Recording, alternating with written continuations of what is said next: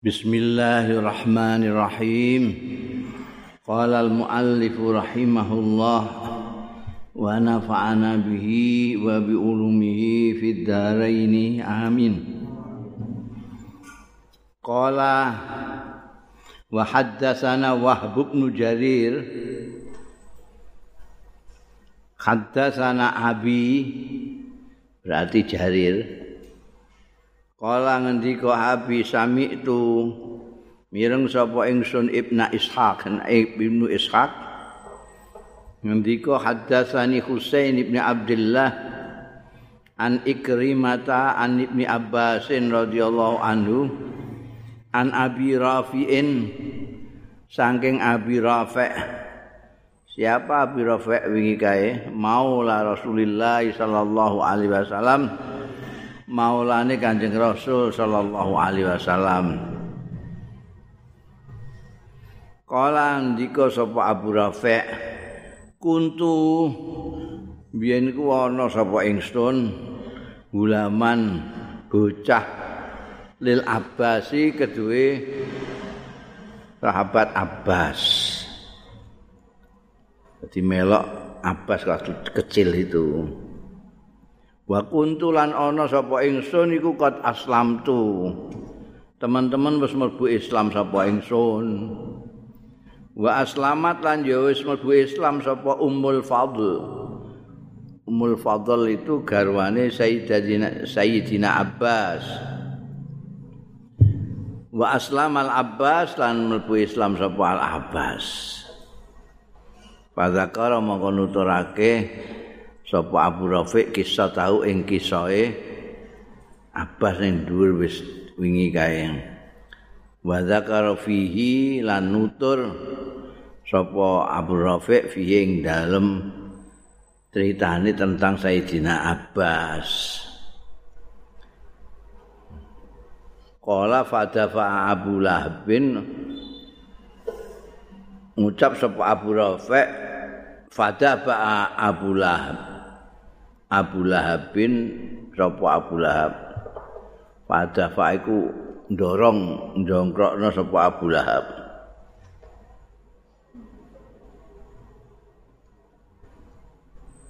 Ini peristiwane Abu Rafiq apa namanya? Kaitane embek riwayat dipingi kae riwayat Anas ning kene disebut nono Abu Lahab sing dorong-dorong barang ki. Kala Syekh dawuh sapa Syekhul Musannaf hakaza kaya mengkono rawahu ngriwayatake sapa Wah bin Jarir mukhtasaran kale ringkesan. Jadi ringkesan secara apa sekedara ringkas. Warawahu lan riwayatake ing kisah Abu Rafiq Al Abbas itu mau. Sapa ghairuhu? Liyane Jarir iku mau. Min hadis Abi Ishaq saking hadis Ibnu Is Abi Ishaq juga. Kok Abi Ishaq apa Ibnu Ishaq api hmm. di mau kan ibnu iska sing dhuwur dhuwur mau api apa ibnu eh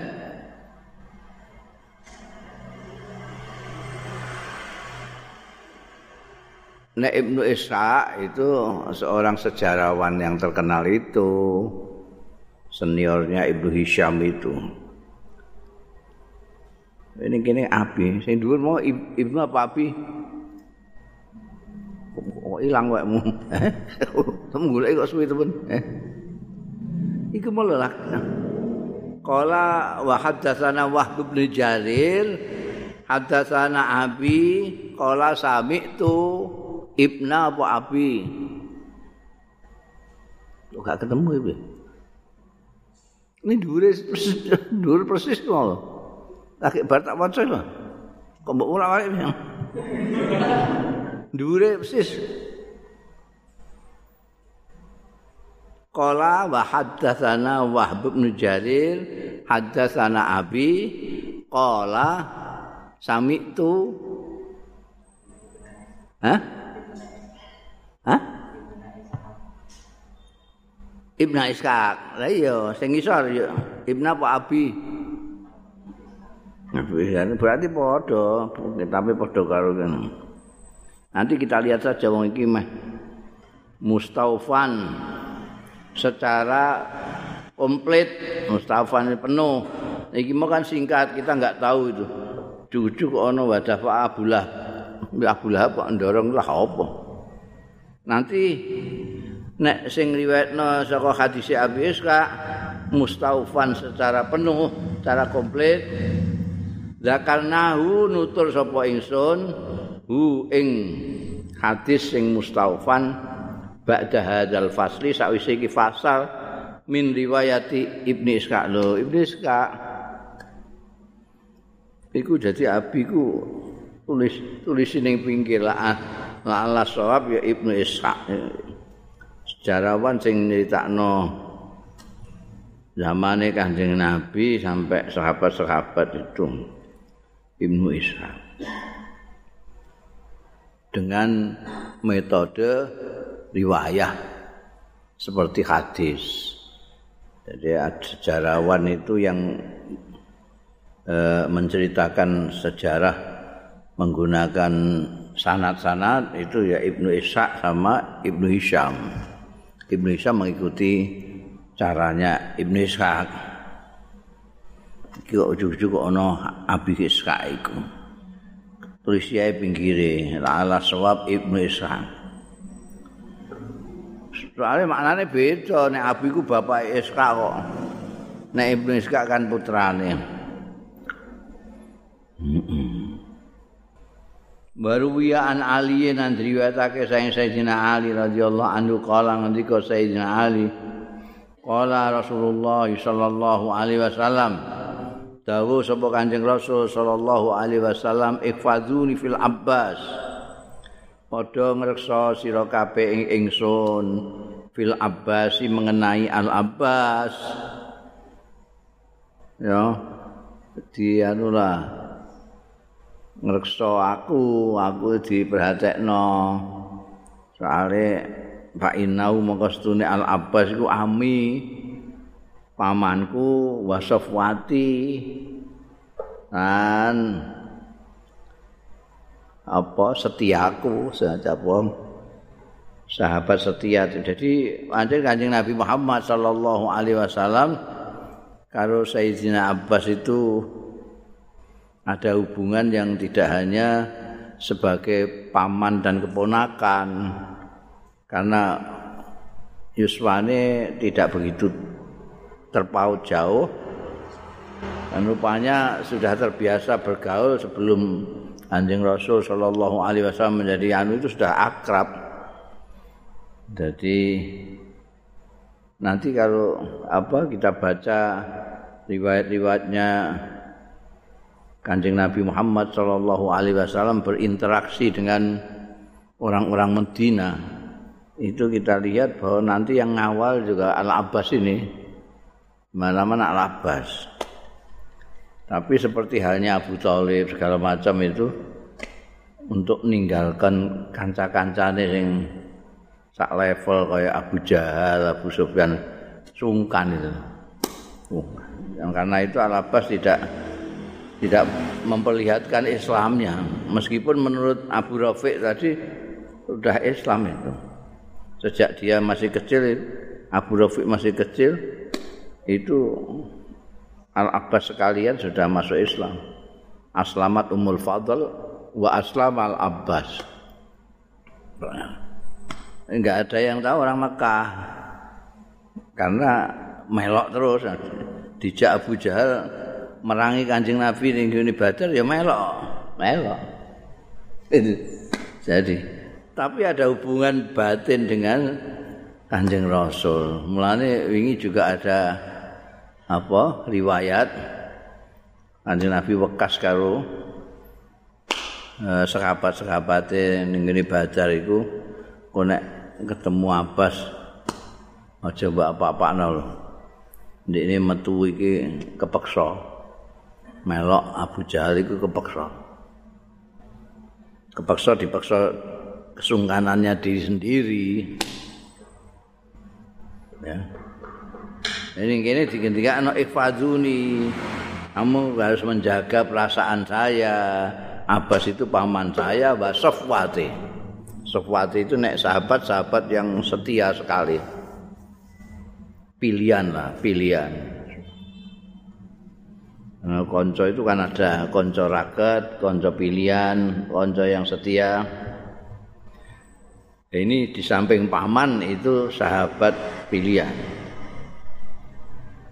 Qala wa haddatsana Ahmad bin Amrin dan Nyeritani ing ingsun sapa Ahmad bin Amrin. Haddatsana Ahmad bin Abdah. Haddatsana Wahab bin Jarir. Haddatsana Abi an Ibni Ishaq saking Ibnu Ishaq. Kala ngendika Ibnu Ishaq haddatsani Ma'bad bin Ka'ab bin Malikin an akhihi saking dulure Sapa dulure Ma'bad bin Ka'ab bin Malik? Abdullah bin Ka'ab. An Abi saking bapak Abdullah bin Ka'ab berarti Ka'ab bin Malik. Ini sing sahabat Ka'ab bin Malik itu Kala ngendika ya Ka'ab bin Malik. Iya, kala. Terus Kharaja. Yang metu sapa? Kok kharaja iku piye? Padha. Kitabe kok terus padha ketemu pikir, eh? Ini nyeritakno Ka'ab bin Malik. Ka'ab bin Malik sing kharaja iku Ka'ab bin Malik. Nek ndek ana kolane mesti ini kharaj tu. Nek orang nganggo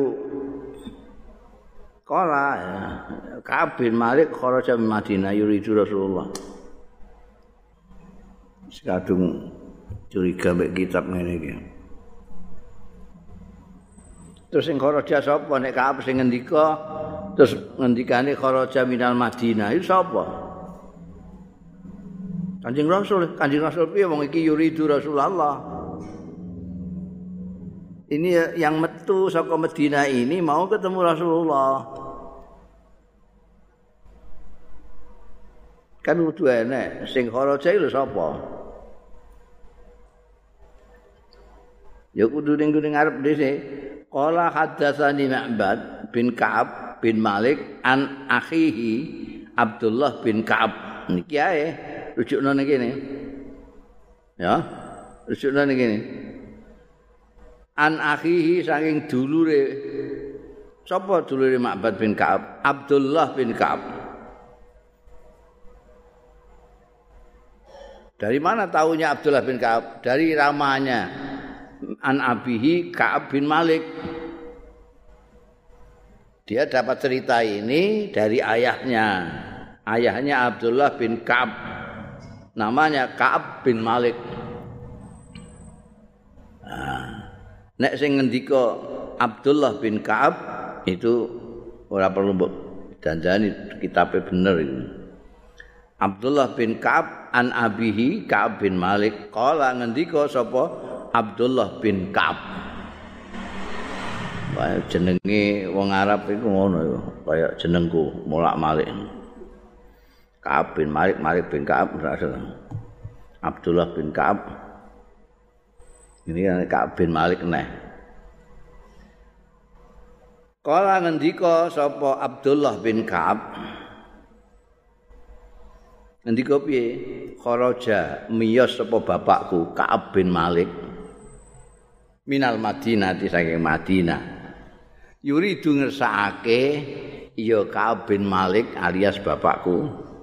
Rasulullah ing Kanjeng Rasul sallallahu alaihi wasallam wa kana lan ana ya Ka'ab bin Malik bapakku iku layak rifu Rasulullah urung kenal durung roh sapa Ka'ab Rasulullah ing Kanjeng Rasul sallallahu alaihi wasallam sing endi sing Rasulullah iki? Kepengin ketemu. Mergo wis dengar kabarnya sampai Madinah iku. Ramene ana apa sing nggawa agama anyar ditentang karo mayoritas penduduk Mekah. Mergo penduduk Mekah sesembahane pirang-pirang ndekne ngajak nyembah mok siji tok. Iku krungu tekan ndi. Jadi ketika musim haji datang kepengen ketemu, tapi durung tahu kenal mbek Rasulullah. Kala ngendika Bapak Ka'ab bin Malik iki saiki. Dalam ceritanya Abdullah bin Ka'ab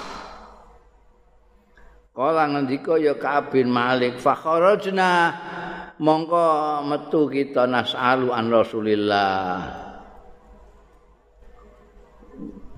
Metu kok istilahnya kok metu. Lah kowe ning ngene Mekah iku nek kaji, itu kowe mesti ning pondokan. Pondokane nek mbiyen pondokane ini pondokane Syekh. Jadi sampai tahun 70-an itu masih syekh. Jadi kalau begitu teko ning bandara atau ning pelabuhan ditakoki syekh apa? Syekh Yakub Perak. Ngono terus digawa ning ngene nggone Yakub Perak. Yakub Perak ana pondokan pirang-pirang. Engko syekh sapa neh? Parakno ning ternyata Syekh itu sing laris ke Indonesia itu atau Malaysia Syekh Yakub Perak itu. Ke Malaysia dari Perak. Jadi Syekh itu keturunan. Jadi mulai zaman kanjeng Nabi ngantek tahun 70-an itu Syekh itu turun temurun. Nah, pas keturunannya wedok dene kawin mbek wong Indonesia. Ya iki kaya ya aku perak barang iku jamaah terus akeh. Karena banyak jamaah terus akhirnya didadekno dilebur jadi yayasan muasasah itu. Saiki pakai muasasah. Dibagi karo muasasah itu. Ini semene ini semene. Aku nek werep ning anu ya metu. di masjid metu meneng pasar ya metu kok pondokane iku main jane kharajna. Fa kharajna nas'alu takon kita an rasulillah saking rasulillah sallallahu alaihi wasallam. Takok-takok lah sing jenenge Rasulullah iku sing endi falaqina rajulan bil abtah. Mau ketemu kita rajulan. Ing wong lanang bil abtah ana ing abtah abtah itu di Mekah itu ada dataran yang rendah sing biasa nek banjir mesti kena banjir ngono mergo rendah. Seperti kita ketahui Mekah itu bentuknya kayak mangkok di titik paling sini ini Ka'bah itu. Betul. Ini munggah. Ini yang biasa ana udan gede banjir ya sing kene sing kena. Dia disebut orang Batkha atau Abtah itu. Ketemu ning kono. Biasanya ning dhuwur, Jabal Kubais, Jabal anu barang iki jenenge jabal-jabal cilik. Bila Abtah dataran Fasa'alnahu mongko takon kita, berarti ora dhewean iku Ka'ab iku. Ya, Ka'ab bin Malik tidak sendirian, rombongan. Mergo nganggo na itu. Fasa'alnahu mongko takon kita hu ing rajulan mau anhu tentang Rasulullah sallallahu alaihi wasallam. Faqala mau ngucap sapa rajulan sing ditakoki mau. Hal ta'rifanil abbas. Wong loro deh hal ta'rifani ana to ngerti sampean loro al abbas bin abdul muthalib. Terkenal al abbas itu kan orangnya apa namanya populer. Ditakoki kenal enggak sampean berdua ini dengan abbas bin abdul muthalib? Kulna. Jawab kita naam. Iya nek abbas aku kenal kok kenal ini di wa kanal Abbas? Lan ana sapa Al Abbas iku yahtalifu ilaina bitijarah. Sering bola-bali ilaina marang kita sering berinteraksi dengan kita bitijarati sebab perdagangan. Itu pedagang besar Abbas itu. Jadi sering dengan kami itu sering persoalan dagang wa kunalan ana sapa kita iku na'rifuhu. Ngenal kenal kita ing Abbas. Wa ya'rifuna. Abbasnya juga kenal sama kita. Wong sudah biasa hubungan dagang dengan kita.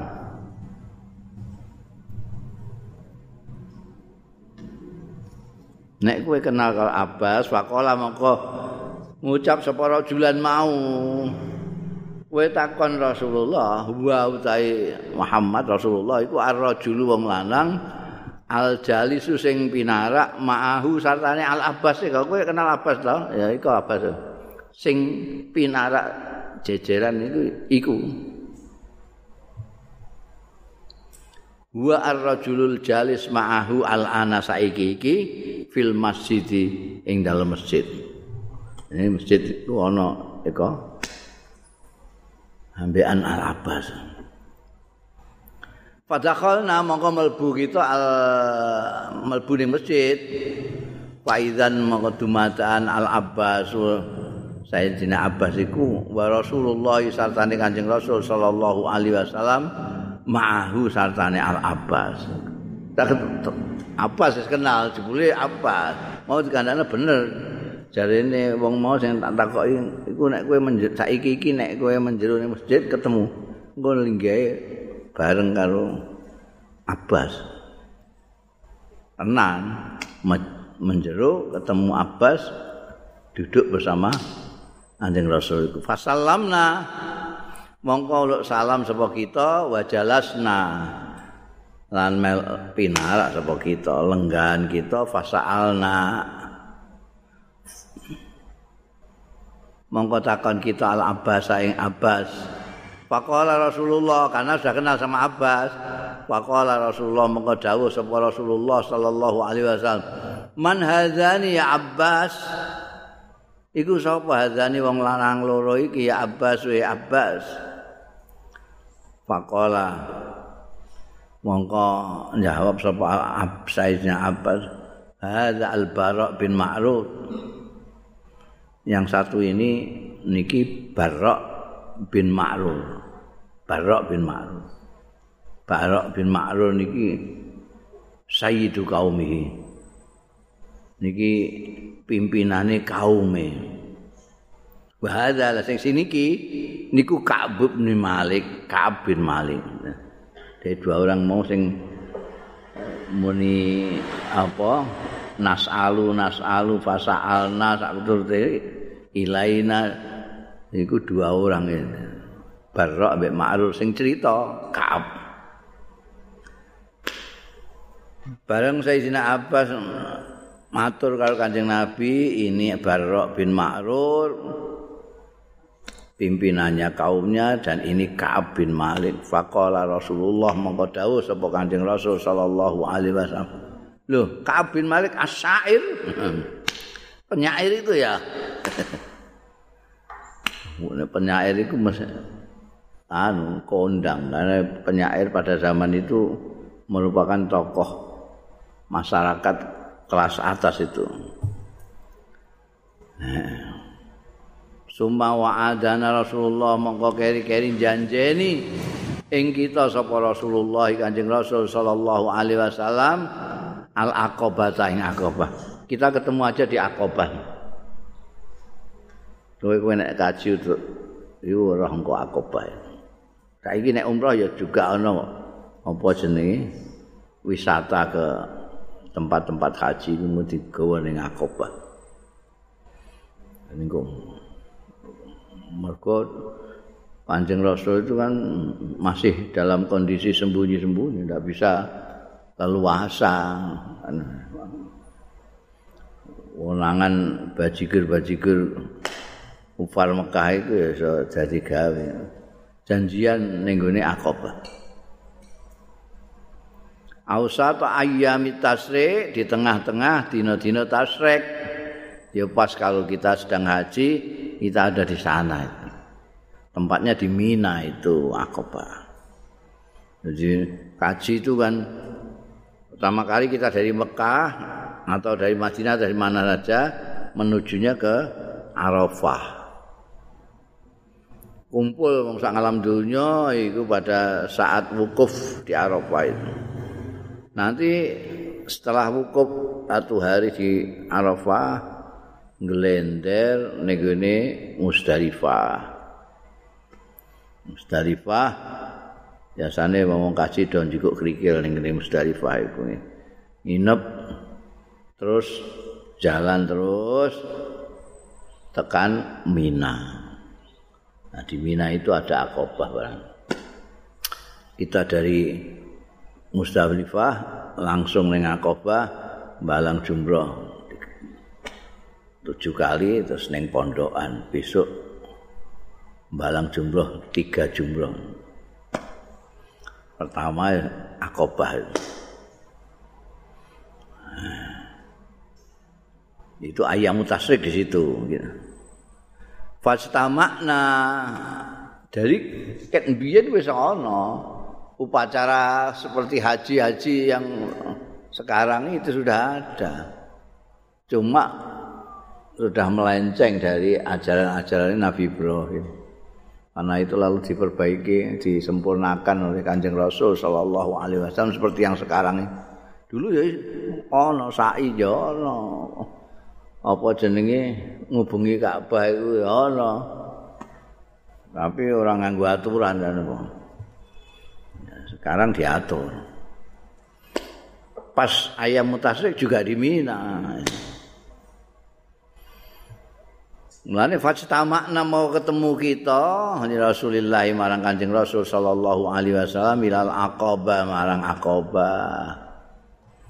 Wa nahnu kita iku sabuna pitung puluh apane rajulan wong lanange wa mraatani lan dua orang perempuan. Iki mau delegasi ini pimpinane Barok bin Ma'rur sampean Ka'ab bin Malik. Setelah perjanjian di Aqabah, kawan-kawannya ikut semua, rombongan semua, jumlahnya 70 laki-laki, dua perempuan. Fa'akbala. Mongko rawuh sapa Rasulullah sallallahu alaihi wasallam. Madhep sapa Rasulullah artine rawuh. Wal Abbas kale utahe Abbas iku ma'ahu satane Rasulullah sallallahu alaihi wasallam. Lai sama'ahu ora ana iku sartane Abbas ghairu liyane jadi hanya dengan Al Abbas Kanjeng Rasul sallallahu alaihi wasallam rawuh hanya bersama Al Abbas lai sama'ahu ghairu. Kata jalasna sehingga pinaraan kita fabada al abbas bil kalam. Mulai sing buka ngacarani pertama kali fabada mengawiti sapa al abbas abbas bil kalami kelawan pengendikan pakola mongko dawuh sapa al abbas ya banil khazrat beliau sudah kenal Al-Barok dan Ka'ab itu dari Khazrat. Dari Khazrat. Karena itu beliau pidato membuka acara itu dengan ya Banil Khazrat. Hei orang-orang Khazrat. Inna Muhammadan sebenarnya Muhammad hadza iki. Muhammad iki haitsu qad alim tu di mana teman-teman ngerti sira kabeh? Kaisu kot alim tu seperti kau ketahui ya. Sebagaimana kamu kenal ini Muhammad. Wa innahu fi khirzin. Setuhune Muhammad iku fi khirzin di dalam perlindungan. Wa manaatin lan penjagaan fi dari ing dalem omahe Muhammad wa qaumi lan kaum Muhammad. Kamu tahu sendiri. Seperti kamu ketahui kayak itu kat alim tuh seperti kamu ketahui Muhammad ini di rumahnya di kaumnya itu terjaga terlindungi Wakat manaknahu lan teman-teman jagani kita ing Muhammad mimman saking wong robahu. Ing uh, mencurigai sapa Muhammad ing man. Fala yahlus mongko iso sampai ilahi marang Muhammad apa sayun suwi-wiji yakrahuhu sing ora seneng sapa Muhammad ing syekh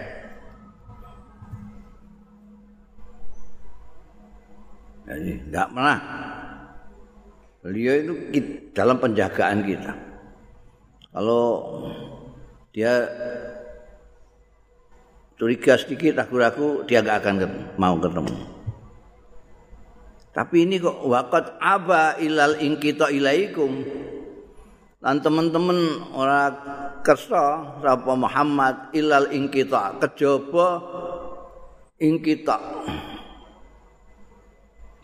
mutusake ilaikum marang sira kabeh lima da'autumuhu maring barang sing ngajak sira kabeh ing ma ilahi la ngajak sira kabeh ing Muhammad ilahi marang ma ini kok aneh biasanya dia enggak kalau enggak suka ah, meragukan sedikit enggak mau ya. tapi sekarang ini justru mau tidak mau harus ketemu sampean semua. Akad aba ilal ingkita yang maunya ketemu sampean semua. Mengikuti ajakan kalian. Pak ing kuntum iki Al Abbas. Fa ing kuntum mongko lamun ana sira kabeh. Tukhisuna min ampusikum. Ngerasa sira kabeh min ampusikum sapa awak-awak dhewe kabeh wahnan ing lemah audofan utawa apes artinya tidak mampu. Au khidlanan utawa hampir sama semua itu. Khidlanan itu tidak bisa berbuat apa-apa. Fal'ana monggo saiki uga fadau ninggalo sira kabeh ing Muhammad. Fi kaumi ing dalam kaum Muhammad. Fa innahu monggo Muhammad iku fi manaatin ing dalam perlindungan. Karena itu Al Barok dan Ka'ab bin Malik itu kan nawani Kanjeng Nabi itu timbangane enggak enak kabeh ning gone Mekah. Wah ke Madinah saja. Ambil dilindungi di Madinah nanti Abbas pidatone ngono kuwi. Iki kok tertarik biasane curiga Muhammad nek ana ngene. Iki kok tertarik ketemu sampean.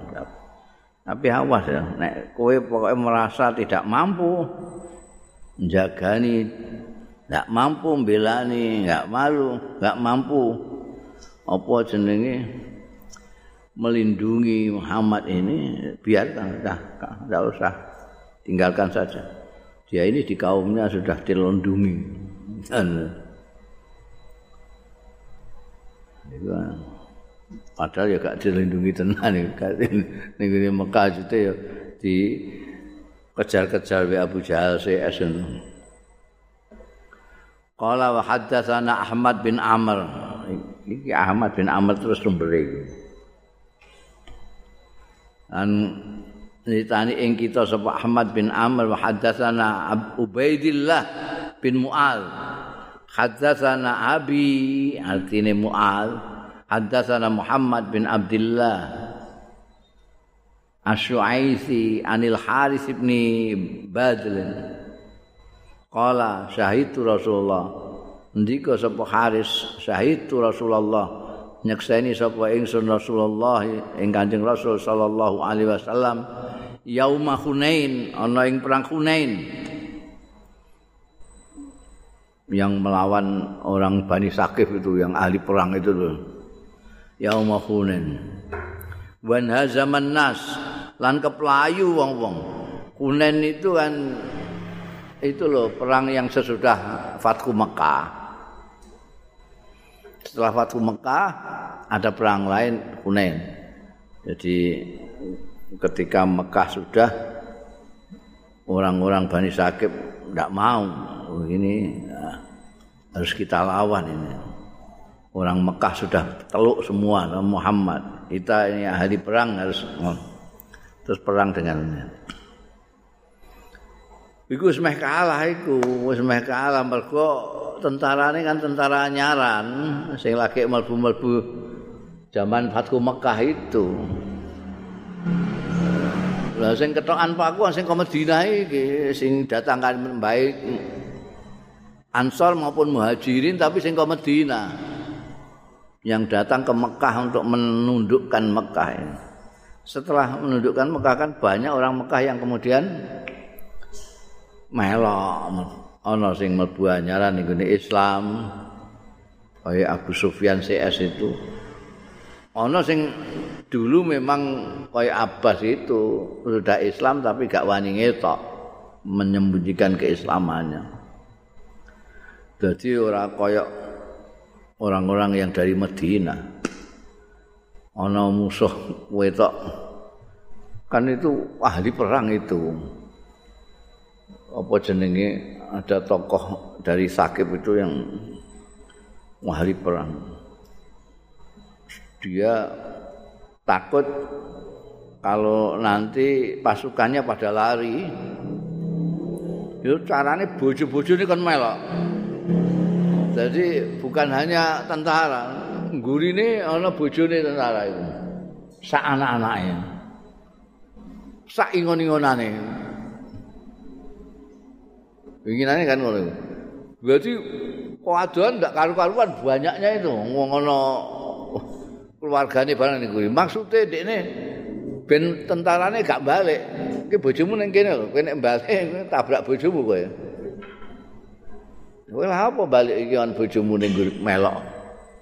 Emeh mbok golek apa kowe? Golek wedhusmu, wedhusmu melok juga iki. untamu ya melok kabeh. Wis ah. Iki kudu perang kabeh. Delok gembruduk ngono kan.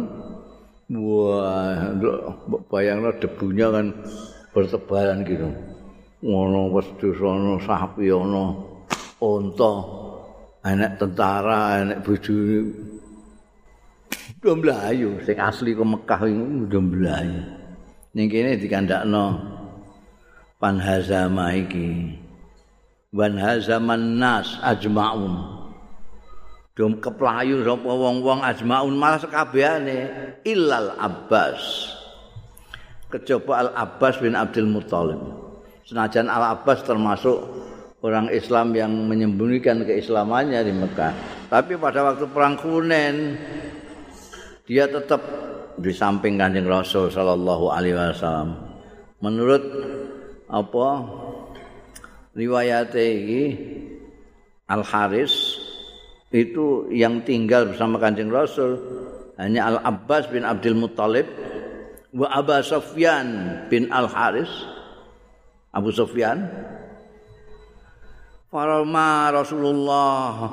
Mongko nyawatno melemparkan sapa Rasulullah sallallahu alaihi wasallam. Wujuhahum ing rai-raine musuh biqabdatin minal ard. Lawan sak gegeman minal ardi saking tanah fanhazamna monggo keplayu kita. Iki sing cerita malah Musa iki Haris bin Badal iki. Padahal do mlayu kabeh lho. Sing karek Abbas ambek Abu Sufyan. Jeneng Nabi nguncalno tanah. fan hazamna. Ngono ya maka keplayu kita.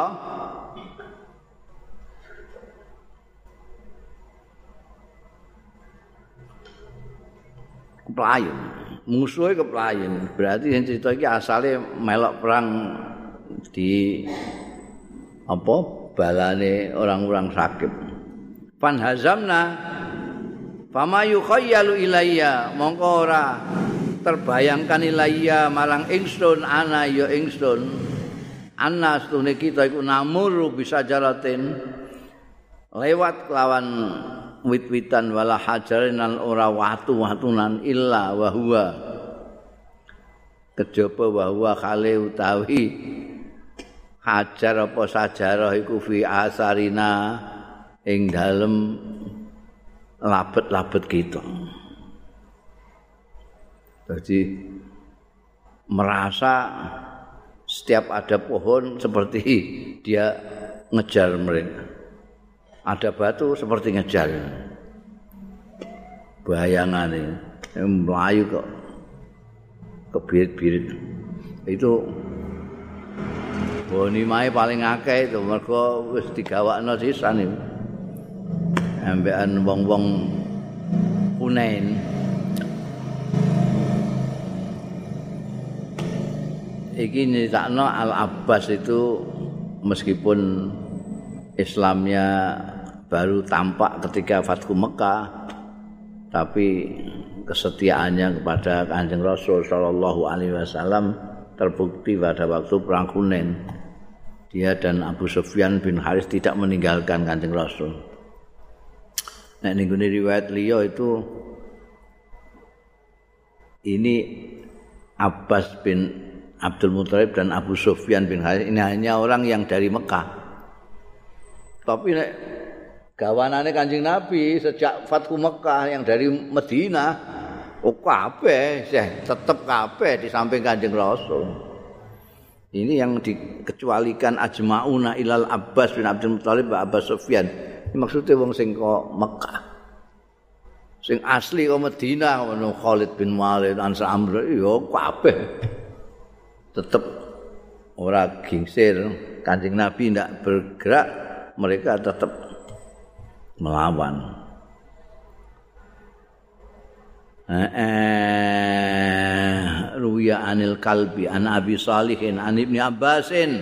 Iki putrane an ibni abbasin ring ibnu abbas abdullah bin abbas radhiyallahu anhu anna rasulullah satune kanjeng rasul sallallahu alaihi wasallam Kala dawuh sapa Kanjeng Rasul lil Abbas marang Abbas bin Abdul Muthalib. Khina khina intaha ilal Madinah nalikane sampai sapa Abbas bin Abdul Muthalib ilal Madinah di marang Madinah.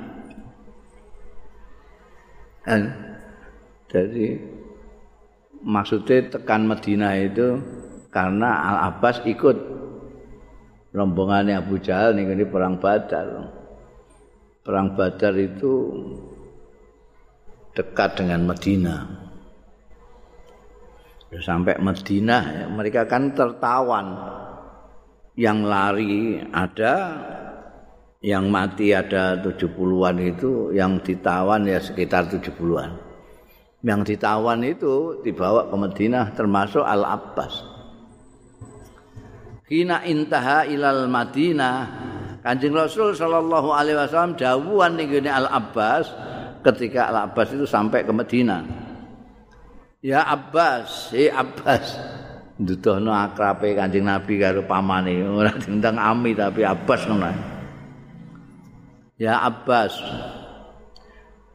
Abdi nafsaka wabnai akhika. Akil ibni Abi Talib wa Naufal bin Al-Haris. Kowe nebusana awakmu lan anak lorone dulurmu Akil bin Abi Thalib embek Naufal bin Al Haris wa khalifaka Utbah bin Amr lan balamu Utbah bin Amr. Pak Innaka mau tunis sira iku zumalin. Ugeh dhuwit ugeh bondo waktu tawanan perang Badar itu yang sekitar 70-an itu dirembuk itu kan ada perbedaan pendapat. Yang satu berpendapat dibunuh saja.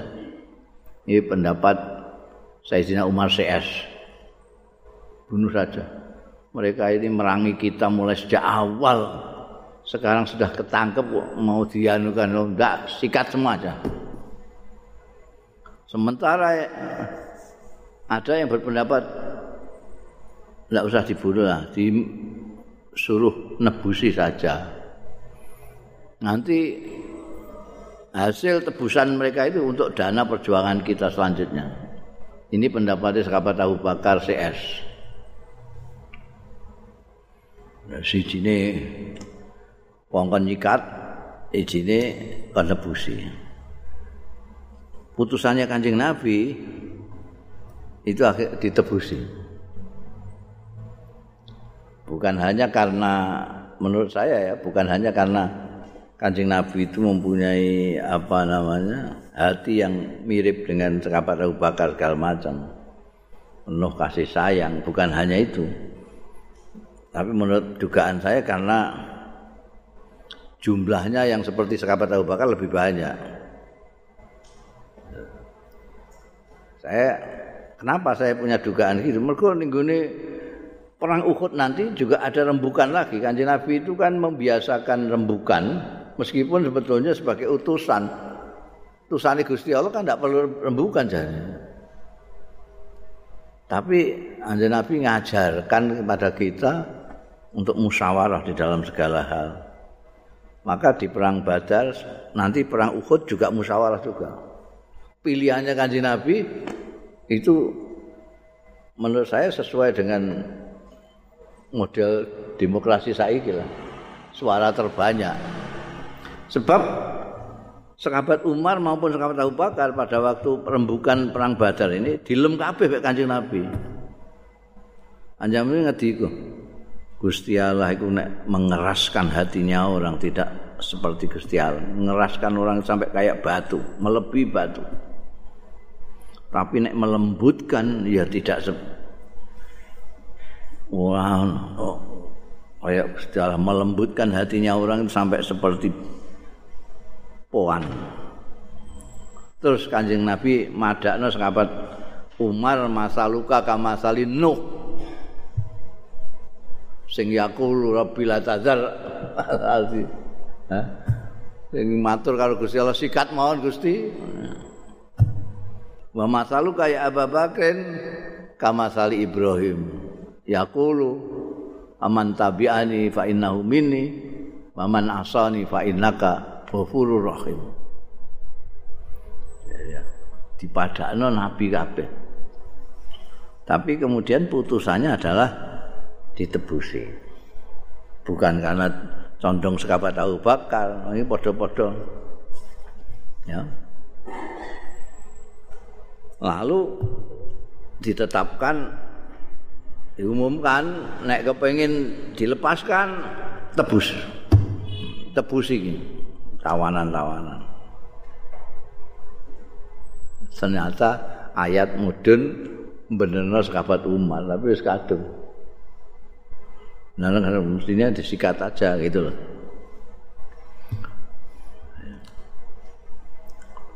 Nah iki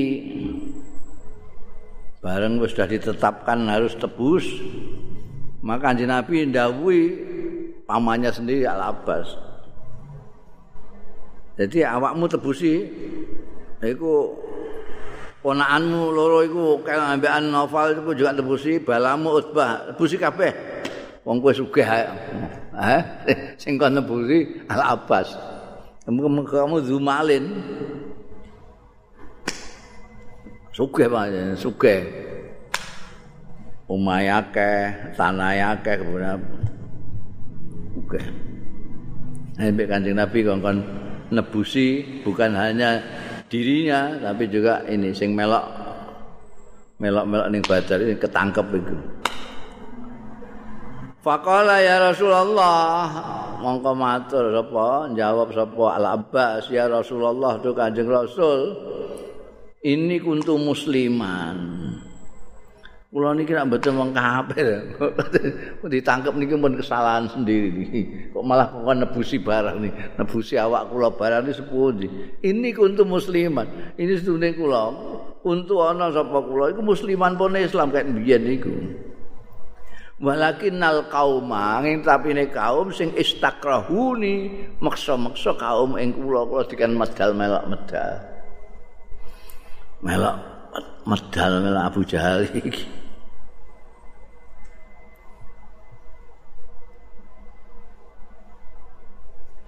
Pakola mongko dawuh sapa Kanjeng Rasul sallallahu alaihi wasallam. Allahu a'lam.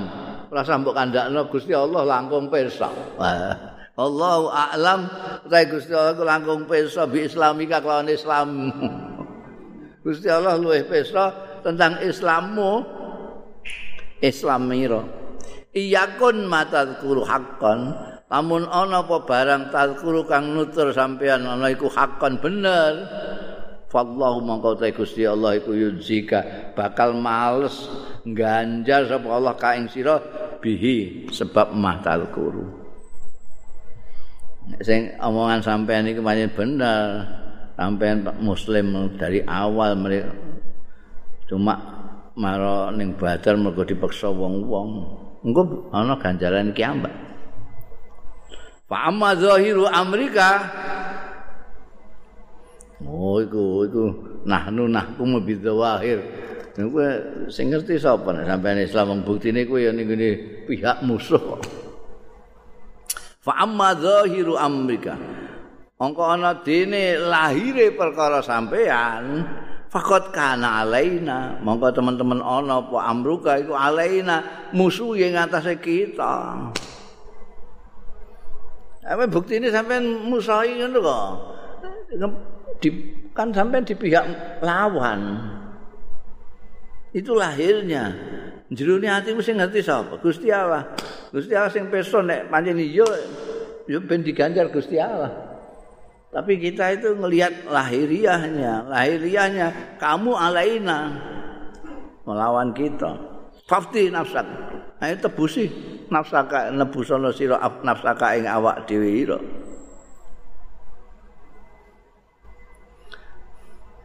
maka lan ana sapa Rasulullah sallallahu alaihi wasallam iki sing cerita Abdullah bin Abbas iku pihak muslimin iku aneh ini ceritanya maka Rasulullah sallallahu alaihi wasallam qad akhadha.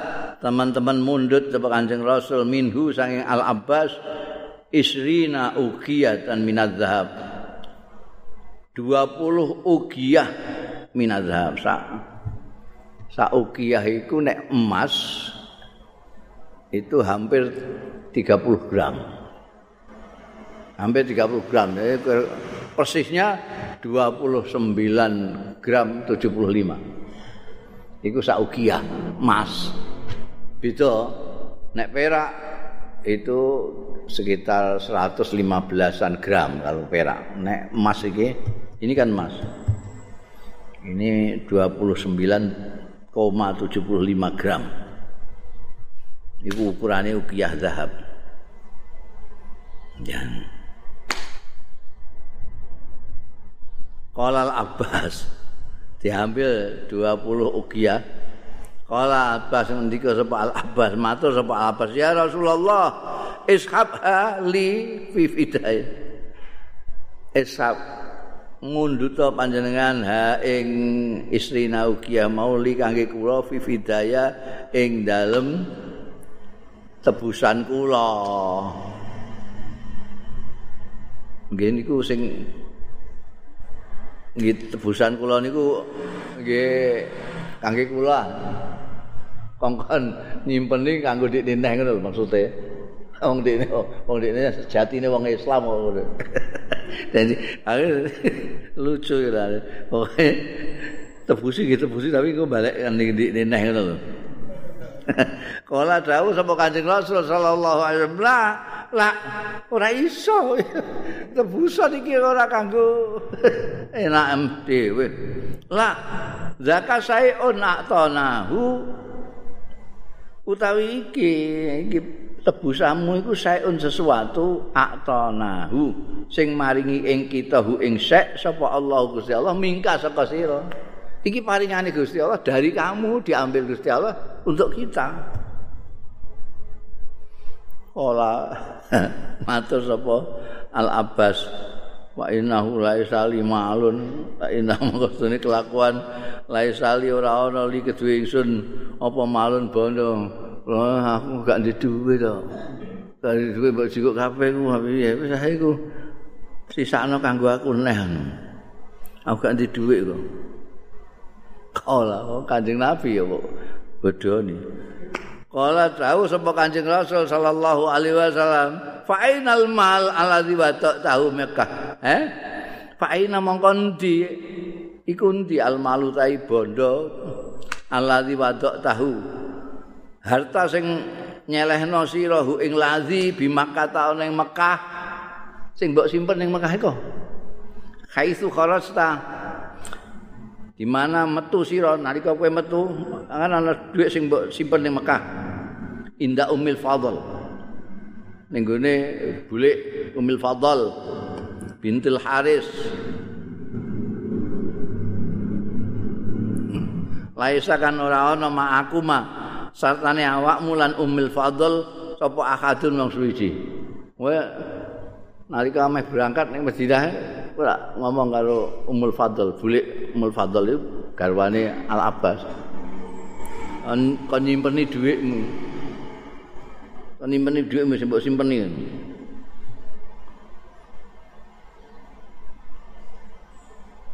Sumakul mongko keri-keri ngucap sampean ya toh laha marang umul fadl in usib fi safari hadza falil fadli kada wa kada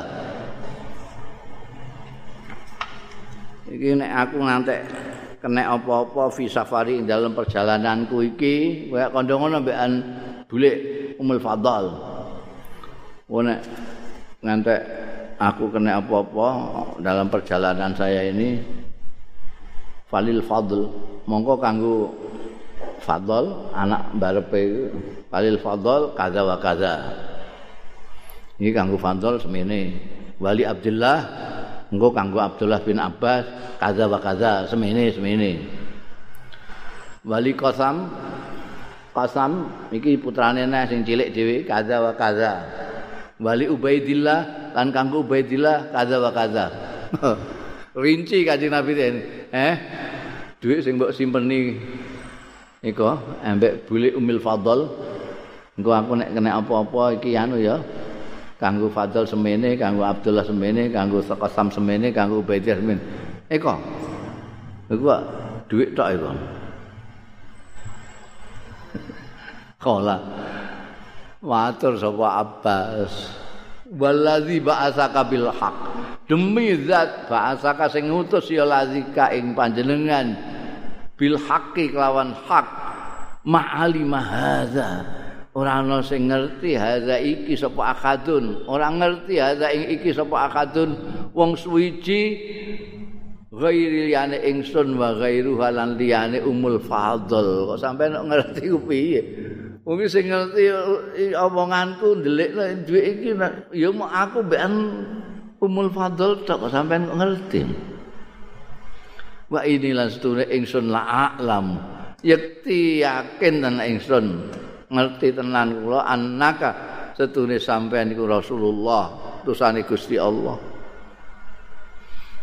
Ngono mergo ngerti ndelikno dhuwit mbek bojone tok kok iso ngerti rinci sampai ngendikane barang. Fafada mongko nebusi sapa Al Abbasu Al Abbas nafsahu ing awak dhewe Abbas wabnai akhihi lan ponakan lorone anak-anake dulure Al Abbas wa khalifilan balane mau. Wa an ibni ashakin wallahu alam